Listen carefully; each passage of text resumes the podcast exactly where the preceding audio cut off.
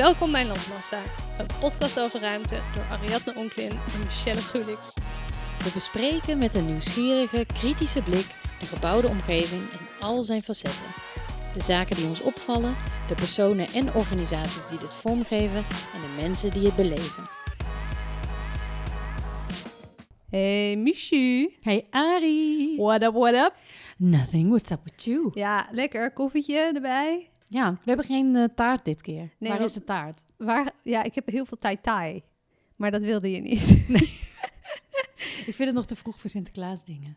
Oh ja. Ja, heb jij dat niet? Ja, nee, mijn cake crave, craving is, eh, is gone. Nu heb ik vooral heel veel zin in tai tai. Maar echt Ah. zo erg dat ik laatst om half tien s'avonds zei, ik moet tai tai. Toen is Roel tai tai gaan halen en heb ik dus een kilo voorraad tai tai in huis. Oh, maar je mag hè? Je mag. ja, mag allemaal. Dat is allemaal niet erg.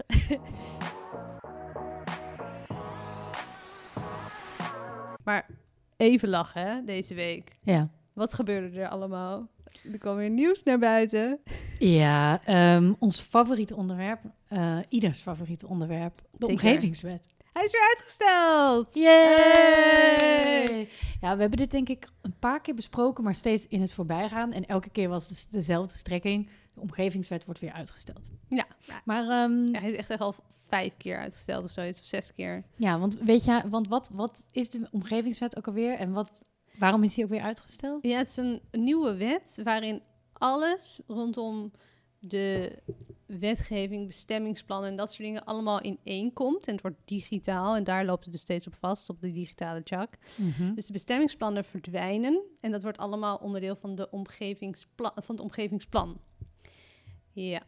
Ehm, gemeentes zijn daar heel druk mee bezig, want juridisch moet het ook allemaal omgedraaid. Dus het wordt, nu- wordt het in de verordeningen staat er dat we alles wat niet mag. En in de omgevingswet moet het staan alles wat wel mag. dat het wel mag. Dus je, het is heel veel werk en iedereen is heel hard mee bezig.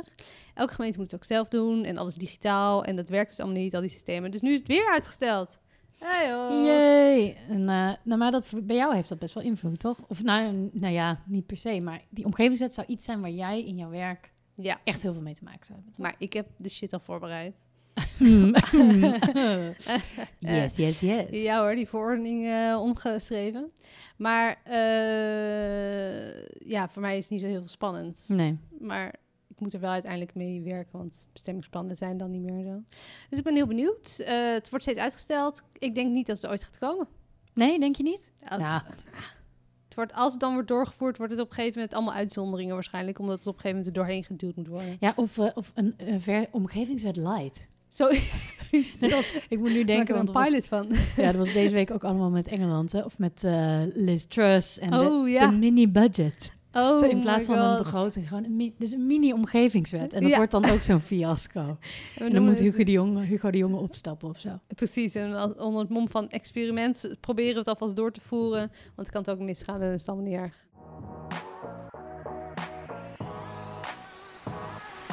Maar jij bent eh, nog naar een leuke opening geweest.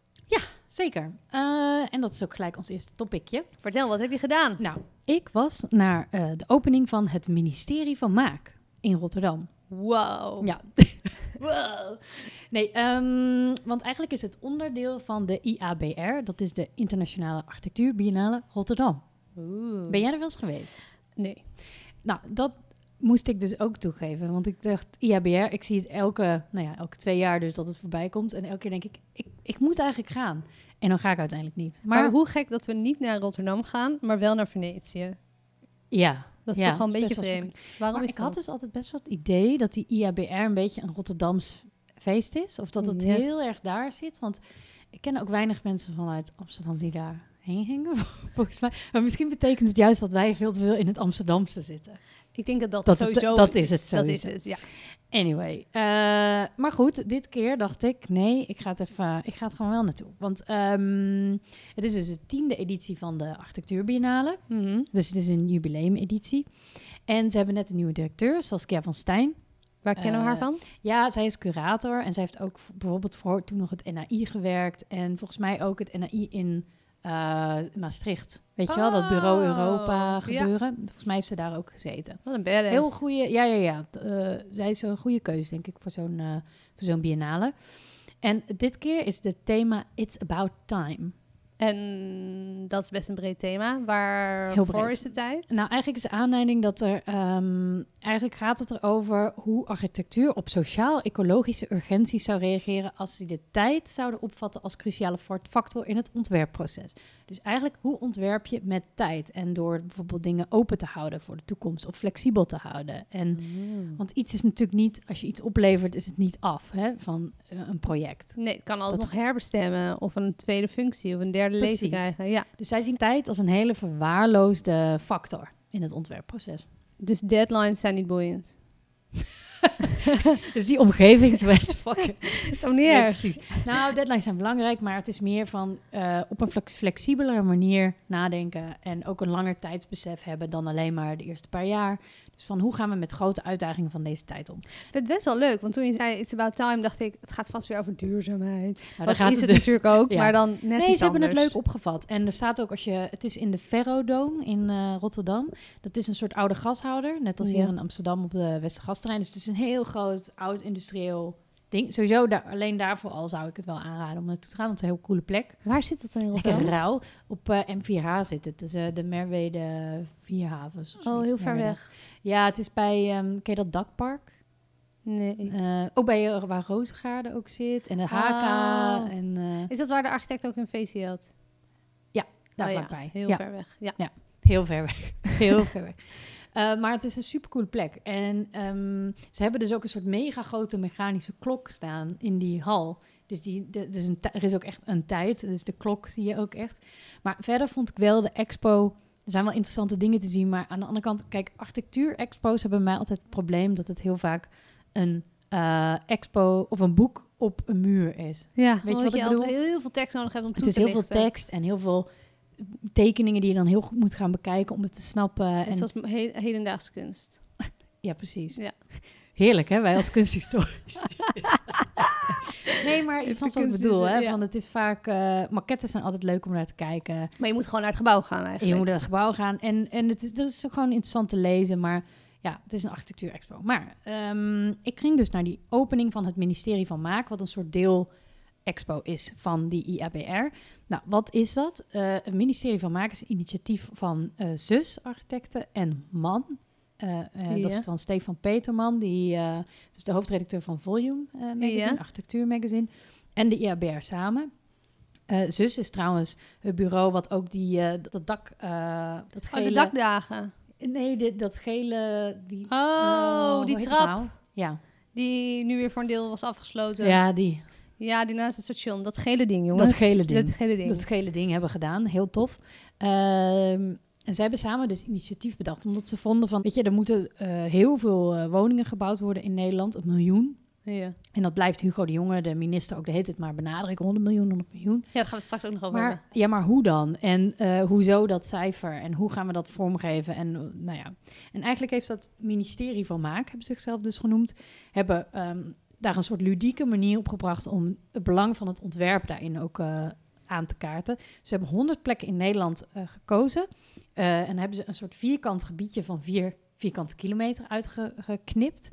En daar ehm, hebben dus 130 bureaus eh, op ingeschreven. Dus je kon kiezen, ik wil voor dit gebied in Roosendaal of dit gebied in Ede, wil ik een plan maken. Ja. En eh, dan kreeg je dus een soort testkit, maquettetje thuis. Van een soort, ja, volgens mij is het een, een vierkant bakje van een meter bij een meter. Ja. Met allemaal, met een soort eh, grondplaten in, dus van de plattegrond. En met allemaal kleine huisjes, dus kleine blokjes. En daarmee kon dan dat ontwerpbureau een soort plan maken. Om daar dus duizend woningen in te passen. Maar dus eigenlijk kreeg je een mm, schaalmodel van dat stukje... Ja, van een puzzelstukje van Nederland. Oh. En vervolgens hebben ze in een hele grote hal naast die Ferrodome in Rotterdam... hebben ze Nederland uitgetekend in een soort zandbak. Ja. Dus helemaal de contouren van Nederland. En er zijn al die vierkante bakken ingepast. Oh, dus dan vet. zie je precies op de locatie wat voor ontwerp er is gemaakt. Nou, en er zijn dus hele... Zijn er leuke dingen bij? Ja, en iedereen heeft totaal wat anders gedaan. Dus sommige mensen zijn helemaal crazy gegaan... en hebben echt rare torens of eilanden... weet je wel, nieuwe soort... een beetje Dubai-achtige eilanden in het water gemaakt.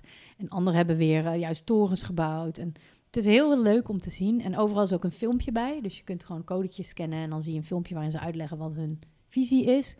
En het zijn jonge bureaus, het zijn eh, hele gevestigde bureaus. Het, de highlight was MVRDV, die mee hadden gedaan. Ja, maar die hadden me volgekakt, toch? Oh my god, ja. Is helemaal volgescheten. maar hoe dan?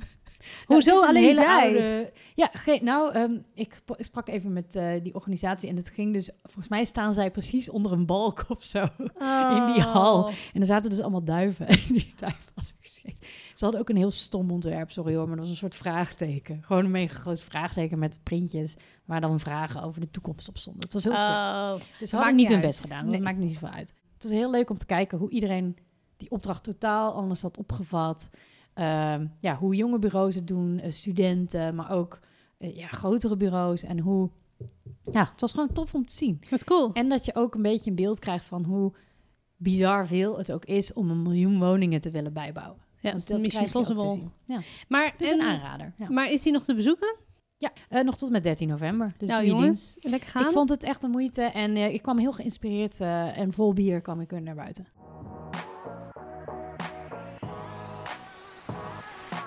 Hey Arie, Jep, ehm, infrastructuur en mobiliteit zijn onze ongeveer onze populairste onderwerpen en je hebt weer een pareltje gevonden. OMG. Vertel mij alles. Nou, ik was lekker aan het fietsen. Zo hatsie hatsie, weet je wel. Vooral in de omgeving eh, Museumplein was ik. Ja, En toen dacht ik, wat? Wat staat hier op de grond, op dit fietspadje? wat zag je? Een enorme stempel. Een soort van enorm, ja, wat is het? Plakkaat, blauw plakkaat. Ja, Met daarop heel grote tekst, maak oogcontact. met een uitroepteken. En daarop een klein vrachtwagentje met een pijltje getekend. En een fietsje met een uitroepteken. En toen dacht ik, maak oogcontact, wat is dit? Ah, ja, ik heb hem. eh, ik heb hem dus ook zo eentje gezien volgens mij. Bij mij op een rotonde in de buurt Ja. zag ik hem ook ineens. En ik moest inderdaad ook, eh, nou ja, ik moest er zeg maar twintig keer overheen fietsen voor ik dacht van, oh, maar ik weet nog steeds niet precies wat er nou mee Wat, bedoeld wordt. wat Dus is de dealio? Arie, Arie, ik hoop dat jij het hebt uitgezocht. Ja, ik heb het eventjes voor je uitgezocht. Ze hebben dus eh, vanaf 11 oktober, dus we zitten bovenop de actualiteiten. Wij jongen, dat, dat hoort bij ons natuurlijk. Ehm, ze hebben dus in de gemeente Amsterdam bij 11 drukke kruispunten, waar vrachtverkeer en fietsers elkaar tegenkomen, deze markeringen op straat aangebracht. En daar willen ze fietsers alert maken voor eh, vrachtverkeer en het gevaar van de dode hoek. Oh ja, En dat is echt zoiets. De dode hoek is echt iets wat je op de basisschool, een paar, weet je wel, waar je helemaal bang voor wordt gemaakt. de dode hoek! De dode hoek! Nee, Ja. Je kan ook echt geplet worden, jongen. Ja. Oh. Ik had aardig wat mensen op de basis... Nee, middelbare school. Ik kende wel wat mensen die onder een vrachtwagen waren Nee, gekomen. echt Ja. Echt mensen die er echt jaren uitlagen. Ja, dit is de grote stad, hè? Ja. Dat, eh, Dode hoek levensgevaarlijk. Ja. Ja. maar je moet ook geen vrachtwagens door sommige straten laten Nee. rijden. helemaal mee eens. Helemaal mee, ja.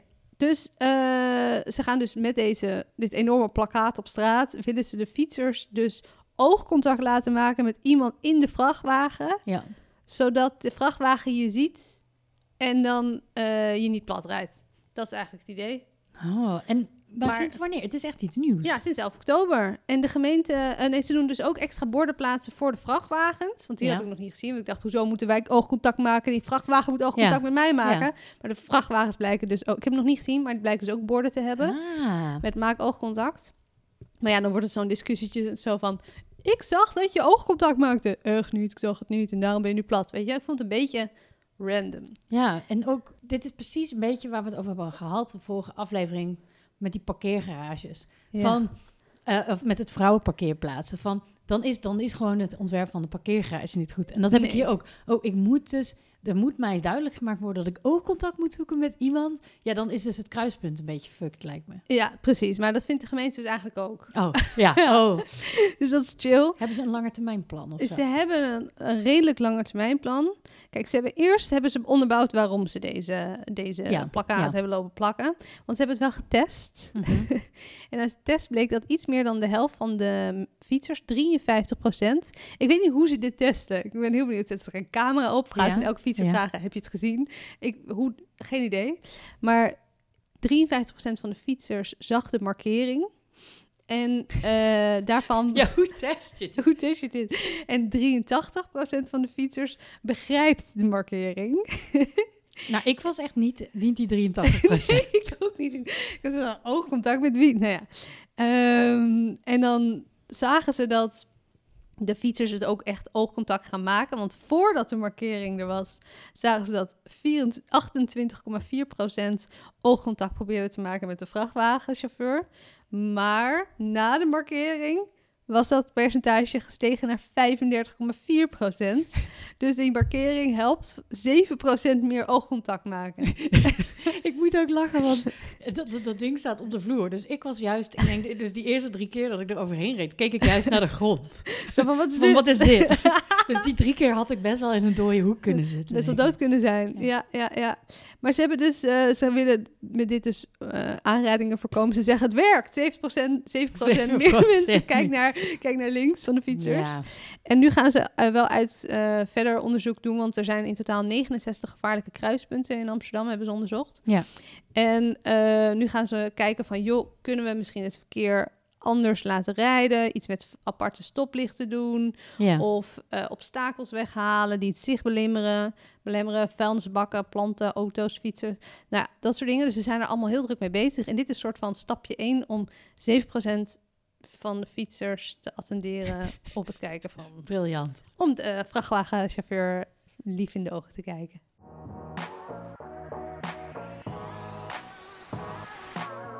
Emish, Yes. Vandaag kwam, eh, vandaag, deze week kwam in het nieuws dat de koning waarschijnlijk naar Qatar gaat. Tenzij Nederland heel slecht is op de WK. Ja, precies. Het WK voetbal. Eh, nou, er was ook heel veel om te doen. Want inderdaad, de meeste mensen dachten van, wat is dit? Want goed, toen dacht ik, ik ga weer eens even voor onze luisteraars uitzoeken... waarom is dat nou allemaal zo controversieel? Want dat heeft dus een eh, heel specifiek gebouwde omgevingselement. Juist, Juist. stadions. Het WK, het vindt plaats vanaf 20 november.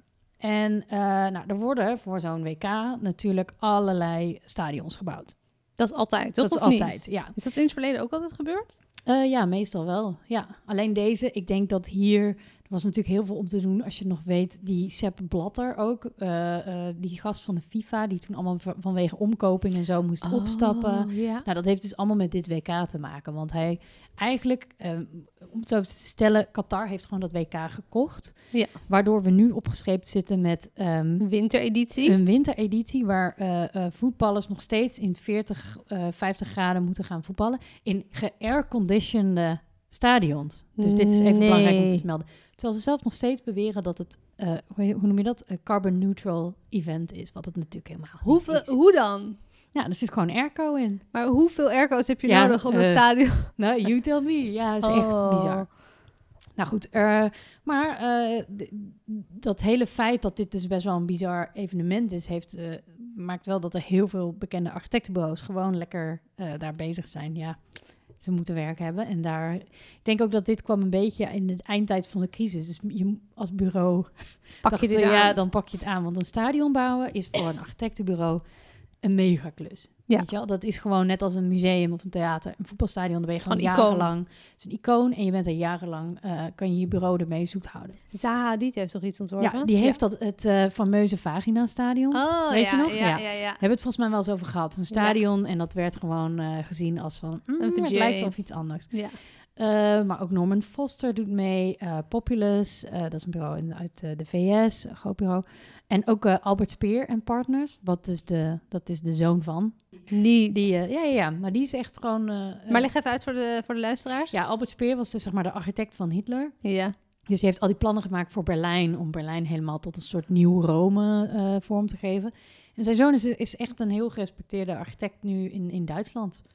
Dus die heeft gewoon zijn eigen bureau. Dus Albert Ja, Speer maar die zoon kan er niks aan doen wat die vader heeft Nee. gedaan natuurlijk. Maar ja. Ik dacht wel, het is wel heel ongunstig dat je dan ook Albert Speer heet natuurlijk. ja, ik zal mijn naam hebben veranderd. Ja. Maar goed, die duurzaamheid en de omkoperij, dat is eigenlijk niet waar die hele angel zit van, die, van hoe controversieel het is. Want volgens eh, de Britse krant The Guardian zouden er zeker 6500 gastarbeiders zijn omgekomen tijdens de bouw van stadions. Ja, Laat dat even op je inwerken. Dat is bizar. Een bouw van een stadion voor een WK, dus iets wat echt niet functioneel is.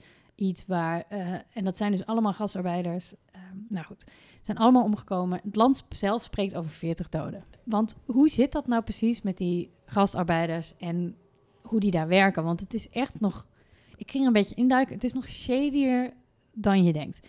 Want het is dus eigenlijk een soort moderne slavernij, hoe die Ja, mensen ja. daar werken. Want ze werken ehm, in de Arabische wereld onder het kafala-systeem. Ja. En dat is een systeem waardoor jouw opdrachtgever in zo'n, eh, als je gaat werken, een soort sponsor is die verantwoordelijk voor jou is. Ja. Waarbij je dus eigenlijk totaal, uiteindelijk totaal afhankelijk wordt van zo iemand. Want je moet bijvoorbeeld heel vaak je paspoort afgeven aan die persoon. Ja. Waardoor je dus totaal niet, je kan niet weg. Al je Dus vrijheden worden afgenomen. al je vrijheden worden afgenomen. En dat zijn dus mensen uit eh, India, Nepal, Bangladesh, Sri Lanka, de Filipijnen. Die komen allemaal naar Qatar. Die leveren daar hun paspoort in. Ja. En werken daar onder, nou ja, in de hitte. En daardoor zijn er dus heel veel mensen omgekomen. Ja. Werken crazy dagen, weinig voedsel, hitte. ehm, Met z'n allen in een minikamertje tukken. Ja. Ja. Nou, heel deprimerend allemaal. Dus dat er, ehm, dat er zoveel ge- gedoe is omdat de koning daar naartoe gaat, dat snap ik helemaal. Ik vind het ook echt niet te verantwoorden als je zegt dat ze, oh, misschien gaan we wel excuses over slavernijverleden van Nederland aanbieden. Terwijl je tegelijkertijd dus ook gewoon naar moderne slavernij Ja, maar heb je, heb je die rare reden van Rutte gehoord? Oh nee, want dat is... Hij zei, ja, maar de discussie over mensenrechten kan je het beste op locatie zelf voeren. Oh ja, in het stadion met een biertje erbij. Oké, Zo, alsof dat oké gaat dan. gebeuren. Ah, maar goed, ik heb dus niet echt een... eh, ja, dat, dat was eigenlijk de conclusie van. Het is gewoon een verschrikkelijk... Het is gewoon verschrikkelijk. En Ja. we moeten dus een beetje bepalen van... Ja, is dat een reden ook om niet naar het WK te kijken? Nou, voor mij zou het misschien wel zo zijn. Ik Ja, maar eh. Tim Hofman is ook met Boos bij de NOS langs geweest, hè? Oh ja. Zo van, waarom, waarom zenden jullie dit uit? Ik vind ook wel dat een, eh, dat een boycott wel mag. Want 6500 mensen. Het is verkocht aan Qatar. Het is eh airconditioned stadions in de Ja, dat vind ik fascinerend. En dan dat zoveel mensen zijn overleden. Sick. Maar wat gaan ze uiteindelijk doen met die stadions? Daar ben ik zo benieuwd naar. Want hoeveel Oeh. worden er gebouwd? Eh, echt veel. Volgens mij wel tien of zo. Jezus. Ja. En liggen ze allemaal een beetje bij elkaar in de buurt? Of is dat weer zo'n idee dat iedereen tussendoor Nou, moet vliegen? Qatar is heel klein. Dus Ja. eh, dat is wel oké, denk ik. Het is echt een mini, mini-staatje. Oké. Ja. Maar er is ook een metro aangelegd. Daar heeft u een studio trouwens Oh. eh, aangewerkt. Met echt ook nou ja, 40, st- 40 stations of zo. Wow. En dat is dan natuurlijk ook... Kijk, dat kun je zeggen van dat is heel duurzaam. Want het is een metrosysteem. Aan de andere kant, er wordt dus een heel metrosysteem in de, in de woestijn aangebracht... om naar die stadions te gaan. En Ja, wat gaan ze is- uiteindelijk doen met, met al die stadions? Goeie vraag. Weet ik niet. Worden, worden helemaal overwoekerd of gaan ze het herbestemmen? Ja, hoe ga je een stadion herbestemmen? Ik denk dat dat heel Ja, moeilijk niet. is. Of ze moeten flexibel zijn gemaakt, weet je wel? Dat het... ik eens kijken? Ik denk het niet. Ik denk dat je een stadion niet flexibel kan. Want kijk Oh, naar acht stadions worden gebouwd. Is acht Dat is stadions. echt veel, Dat hoor. is veel. Ja. Wat moet je ermee? Wij hebben natuurlijk hier in eh, Amsterdam hebben we nog dat oude Olympisch Stadion. Ja, nou dat doen ze hier ook wel. Hè. Kijk, ze, ze, ze pakken zo'n evenement aan om de hele, weet je, om nieuwe buurten te bouwen. Om, net als in Londen bij de Olympische Spelen. En dan Ja, bouwen ze een hier hele ook. wijk en hier. Dus dat doen ze wel. Maar goed, het blijft gewoon een evenement in de woestijn. Ja, en wil je daarna wonen in die woestijn? Ja, Ja, fascinerend. Ik ben heel benieuwd hoe dit verder gaat ontwikkelen. ja, ik ook.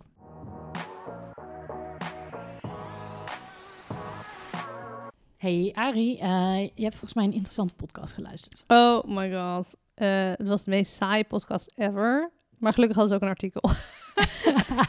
het is heel saai ja, dat is van de correspondent. Ja, die lezen altijd gewoon hun artikelen voor. Ja, maar waarom doen ze dat? Ja, zodat je het niet... je- Toegankelijk maken Nou, natuurlijk. maar, een dan, luisterboek. Dat je, weet je, dat je het kan luisteren in de, in de auto in plaats van dat je het moet lezen. Maar, maar waarom huur je dan geen stemacteur in? Mm. Het was echt taai, Ja. taaie dingen. Maar gelukkig inhoud? jongens, ik heb het even voor jullie geluisterd, doorgeploegd. Dus nu hoeven jullie daar niet naar te luisteren. Very nou, good, very good. beter idee. Vertel. Nou, ik was dus echt mindblown. Zo, Mhm. zo. Eh, want dit was bizar. Ehm, het gaat over huizen bouwen, waar we net over hadden. Ja. Hugo de Jonge, die heeft bedacht... we gaan heel veel huizen bouwen, want we hebben huizentekort. Ja, Oplossing, vraag, aanbod, huizen bouwen. Opgelost. precies. Eh, wordt het ook weer allemaal helemaal betaalbaar. Lekker wonen, lekker met z'n allen. Ja. Helemaal goed idee. Nou, eh, blijkt dus dat het helemaal niet werkt. Tell me everything. Het is echt... Het klinkt heel onlogisch. Het is Dus heel leg het uit. Leg het me uit. Vooral in populaire steden werkt dus het extra bouwen van woningen averechts. Ik snap het niet. Nee, en hoe meer woningen erbij komen, hoe duurder de woningen gaan worden. Oké. Nou, het woningtekort heeft diverse oorzaken. Even bij de basics terug. De sociale huurwoningen verdwijnen. Oh ja.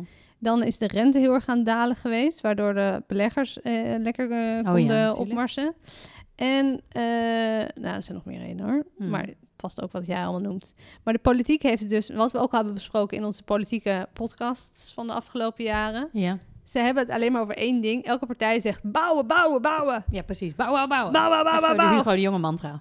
Ja, precies. Nou, ehm, een groeiend aanbod van huizen gaat juist de vraag naar huizen laten groeien weer. Dus ik zeg zo, what? Nou, het blijkt dus dat er drie redenen zijn waarom dit hele idee niet gaat werken. Dat als je genoeg huizen bouwt, het probleem is opgelost. Dat gaat dus niet werken. Ten eerste gaan mensen, als ze dan de kans ertoe krijgen, groter wonen. En als iedereen maar één huis zou kunnen kopen of huren, zou het vraag-aanbod idee best wel goed kunnen werken. Ja. Maar mensen hebben ook wel een tweede huis, een derde huis. En als de ruimte er is, hoeven kinderen bijvoorbeeld minder lang thuis te wonen. En die kopen mensen weer een huis voor een kind. Of kinderen gaan eerder het huis uit. Dus eh, stellen gaan sneller uit elkaar, want er zijn toch genoeg huizen. Dus het aanbod zorgt er eigenlijk voor dat mensen gewoon meer... Dat, dat je makkelijker gaat doorstromen of uit je huis gaat. Dat is het. Dat, je, dat er Ja, dus meer je- behoefte komt. Ja, dat, Je, dat, de- dat je denkt van, Oh, oh, het kan wel. het kan. Ja. Dus ik koop daar nog een huis. Of, oh, ik vind je niet meer zo aardig. En er is toch genoeg huizen, dus ik ga bij je weg. Dat soort dingen. Ik kan me wel voorstellen, want ik zit ook denk wij wonen dan ook in een klein huis en we zitten al te kijken, maar ja, je koopt geen grote huis omdat het niet, die zijn er niet. Nee. Of er is geen goed alternatief. Maar als dat er wel zou zijn, dan waren we al verhuisd waarschijnlijk. Ja, en had je dan je huis verkocht of had je hem verhuurd? ja, een goeie. Nou ja, we, we moeten hem waarschijnlijk verkopen, maar nou ja, inderdaad, als er een goed aanbod is, dan zou je het misschien wel kunnen overwegen om Ja, het aan te houden. precies. Ja, slim, slim. Want, dat is een van de tweede redenen, kopen eh, beleggers kopen dus heel veel huizen op om ze vervolgens te verhuren. Ja. Of in sommige gevallen leeg te laten staan, omdat het gewoon investering is.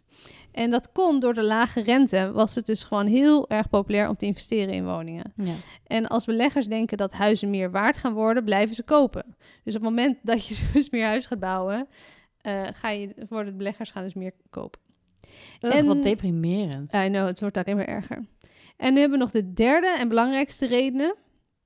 Want mensen zoeken niet zomaar een huis. Mensen zoeken een huis op een bepaalde plek. Wat zegt de Ja. makelaar altijd? Locatie, locatie, locatie. En dat is de laatste tijd steeds vaker in een stad. Dus Ja. mensen hebben er een baan, willen daar een baan vinden, gaan er studeren, willen nieuwe vrienden. Of Dus die blijven plakken.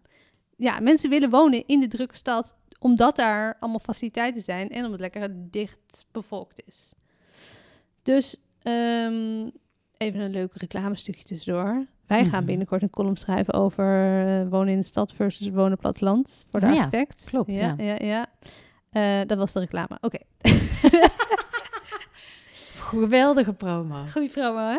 Ja, nou, die bedrijvigheid maakt dus eh, steden super aantrekkelijk voor mensen. Waardoor er nog meer mensen willen wonen, ondernemers willen zich er vestigen, creatievelingen willen er wonen. En het gevolg is, als iedereen er wil wonen, worden de huizen duurder. Nou, prijzen gaan omhoog. En de bouw van nieuwe woningen kan het effect tijdelijk, tijdelijk verminderen. Mhm. Maar op de lange termijn worden de woningen alsnog gewoon duurder. Want de nieuwe bewoners gaan ook weer allemaal nieuwe cafeetjes aantrekken. Nieuwe winkels, nieuwe scholen, Dus nieuwe dat bedrijven. groeit gewoon alleen maar. Dat, de, het wordt niet minder eh, Nee. gewild of zo. Nee, het maakt het alleen maar nog populairder. dus, Oh, ehm. Maar wat moeten we dan wel doen, Arie? Wat moeten we dan wel doen? nou, eh, even kijken. De nieuwe huizen maken dus de, de plek alleen maar populairder als je blijft bouwen. Dus eh, er is ook nog een ander probleem voordat ik voor je bij de oplossing kom. Of een van de Ja, oplossingen. Ja. als steden steeds meer gaan bouwen en hun steden vergroten, verdwijnt ook de woonkwaliteit langzaamaan. Omdat de steden heel snel dan willen groeien. En ze willen snel bouwen, dus de Ja. woonlasten zo lief mogelijk eh, willen laten dalen, geven de gemeentes vaak toestemmingen om goedkoop ja. woonblokken te bouwen. Met hele kleine woningen. Kijk naar die bizarre wat, 30 vierkante meter woningen die nu overal worden opgeleverd. Ik vind sowieso, daar is zo weinig aandacht voor, voor de kwaliteit. Kwaliteit van woningen. Want er wordt, en, en ik vind sowieso overal wat er wordt gebouwd en nu het wordt, is gewoon Lego-blokjes. Het is zo Het saai is en heel lelijk. deprimerend. Ja. Ja. maar dat is dus het hele idee. Het gaat alleen maar over kwantiteit in plaats van over kwaliteit. ja. En dan worden steden gaan beknibbelen op parken, pleinen, speeltuinen. De milieunormen gaan zeggen ze, oh, we doen wel milieunormen omlaag voor geluidsnorm. Oh. Dan kunnen we hier woningen bouwen, want we hebben woningen nodig. En dan krijgen we mensen die vlak onder Schiphol wonen, die daar ziek Precies. Van worden. En, Dus dat brengt dus alleen maar problemen met zich mee als steden zich steeds blijven uit, uitbreiden. ja. Ehm, en dan heel veel vervuiling. En dan hou je gewoon buurten die ghetto worden, eigenlijk, waar je niet wil wonen. En je hebt buurten die heel populair nog zijn. En daardoor ontstaat er een heel groot verschil tussen rijk en arm. Oh my god. Het Dus is één dit grote eigenlijk-. Maar oplossing. Ik ben nu bij de Ja, oplossing. oké, please, please, verlos me uit mijn lijden. De socioloog Saskia Sassen Ja? heeft de oplossing. Ze zegt, joh, misschien moeten we gewoon stoppen met steden, grootsteden groter maken. Ze zegt, als we nou gewoon investeren in het vergroten of bouwen van, vergroten van dorpen of kleine steden, of het bouwen van nieuwe steden, Mhm. ehm, en daar die extra woningen toevoegen, en dan gaat daar de werkgelegenheid ook vanzelf groeien. Dan willen, als je daar meer, meer mensen neerzet, ze willen bedrijven zich daar vestigen, ja. komen er meer scholen, komen er cafés.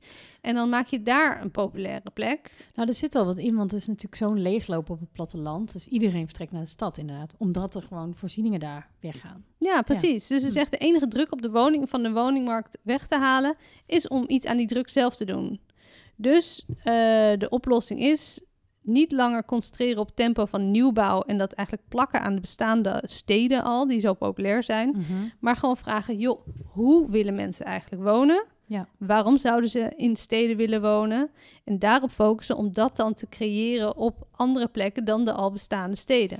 Nou, misschien is het wel een goed idee inderdaad. Want ik, als je ook denkt aan wat mensen willen. Nou, laatst was er ook toevallig zo'n nieuwsbericht waar iedereen om dubbel lag. Van, hadden ze aan allemaal ouderen gevraagd wat voor huis ze willen wonen. Zeiden ze allemaal, ja, eh, 100 vierkante meter in een hele grote tuin.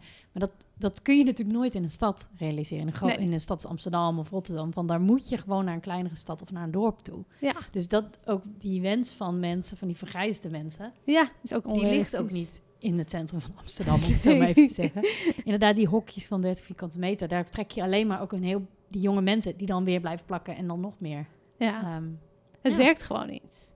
En dus dit was Interessant. Heel goed. Maar en toen las ik op Architectenweb een artikel waarin de Rijksadviseurs ja. eh, de overheid hebben geadviseerd over het bouwen van woningen. En toen dacht ik, deze mensen hebben niet deze saaie podcast van de correspondent geluisterd. Want dat gaat deze mensen, eh, nou ja, je- we hebben rijksadviseurs in, eh, in Van het Rijk leefomgeving. Ja. van de leefomgeving en die adviseren eh, gevraagd en ongevraagd over vraagstukken. ja, die was ook, eh een ervan was bij die opening van het ministerie van Maak. Celebrity. Ja. Ja. Nice. Nou, zij zeggen dus, in plaats van grootschalige woonbouwprojecten in buitengebieden, moet het kabinet en eh, de gemeentes inzetten op het bouwen van woningen voor starters en senioren in de plaats van op de plek van al bestaande voorzieningen. Dus ze zeggen dat eh, dat is heel goed voor de kwaliteit van de leefomgeving. Dus ze moeten dus 900.000 woningen bouwen tot 2030. Ze zeggen, joh, dat aantal moet geen doel op zich zijn. Leg de focus eh, op het bouwen van huizen in de nabijheid van scholen, werk en goede OV-verbindingen. Dus deze mensen adviseren precies het tegenovergestelde. Ah. En daardoor blijft het één groot drama. Ja, en, en dan denk ik ook wat daarnaast nog een vraag is, want er wordt wel de hele tijd die 1 miljoen, 1 miljoen. Maar volgens mij vraagt iedereen zich af, hoe dan? En Ja. van dat kan niet. Het is gewoon Het is Mission 1 miljoen, Mission Impossible. Als je weet wat voor ruimtelijke regels er zijn. En het is gewoon eigenlijk, dat is al... Ja, maar en dan gaan dus al die normen omlaag om dat te Ja, realiseren. Precies. En dus gaat de kwaliteit omlaag. En dan zitten we straks met allemaal wijken aan steden vastgeplakt die niet functioneren en waar niemand wil wonen. Heel erg. En hele dure huizen in de wijken die er al stonden. Mhm. Nou, Maar goed, dus iedereen heeft eigenlijk een andere mening over. andere adviezen. Andere adviezen en, en, en intussen gaat alleen maar de kwaliteit van de gebouwde omgeving omlaag. Dat is eigenlijk de conclusie. Wat een depressieve gedachte. Is heel deprimerend.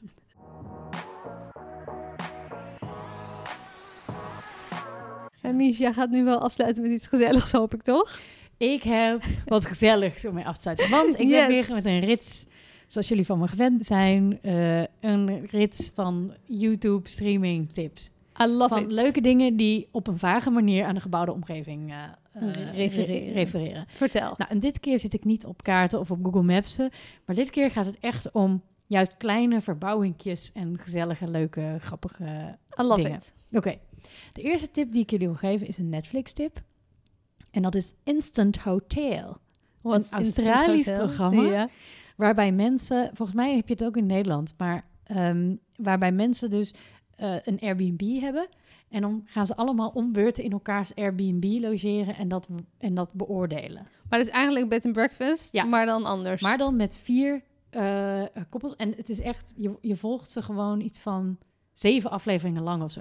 Van, elke bezoek aan een B&B duurt gewoon een uur of zo. Qua, qua uitzendtijd. Maar en dan gaan ze daar ook echt tukken? Ja, ze gaan er tukken, ze gaan rondkijken. Ze, gaan er, eh, ze krijgen ook eh, tips van de bewoners van wat kun je in de omgeving doen. Dus ze moeten ook de omgeving beoordelen. Het gaat om de hele experience. Dus het Oh gaat om god, locatie, om Ontbijt. design, gaat om inderdaad de service, de hospitality, het gaat om het eten. En het is in Australië, dus je hebt echt mensen die een soort rock en roll garage tot Airbnb hebben gemaakt. Je hebt mensen die in een soort grot wonen. Je hebt mensen die in de jungle, echt in de outback wonen. Maar is, heeft, is heeft amazing. Omroep Max hun concept van bed and breakfast verkocht aan Australië of zo? Want Ja, het is gewoon fantastisch. Het is echt heerlijk. En ehm, het is heel over. Het is ook. Australiërs zijn heel ordinair. Of Oh. tenminste, dat, dat, dat Oh. is mijn conclusie na het zien van deze serie. Het is echt fout. Want je hebt bijvoorbeeld ook een, een moeder- en dochterduo dat meedoet. En ehm, die heten Babe en Bondi.